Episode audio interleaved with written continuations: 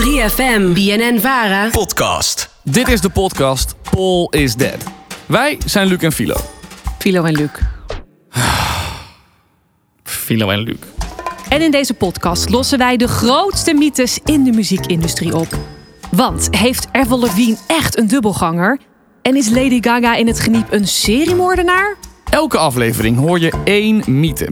En die naam, Paul is Dead, die komt natuurlijk van de meest beroemde muzikale mythe die er is. De mythe over de bekendste Beatle, Paul McCartney. Volgens deze mythe zou hij namelijk in 1966 verongelukt zijn in een auto-ongeluk. Om het publiek het gevoel van rouw en gemis te besparen, besloten de overgebleven Beatles met hulp van de Britse geheime dienst een lookalike de plek van Paul McCartney in te laten nemen.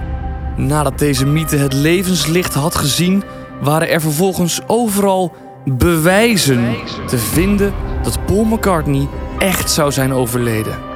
Een van de beroemdste bewijzen is de cover van het album Abbey Road. Doe hem even nog een keer. Ik zoek nog een kleur voor mijn woonkamer. Abbey Road Road. misschien? Oké. Een van de beroemdste bewijzen is de cover van het album Abbey Road, waarop de Beatles het inmiddels wereldberoemde zebrapad oversteken. Iedere Beatle heeft schoenen aan, behalve Paul McCartney, want hij zou de dood belichamen in deze foto. Heel erg verdacht. Nou, over deze mythe is alles al gezegd en geschreven. Niet op de laatste plaats, onder andere door Paul McCartney zelf. Maar er zijn genoeg andere mythes waar we het over moeten hebben.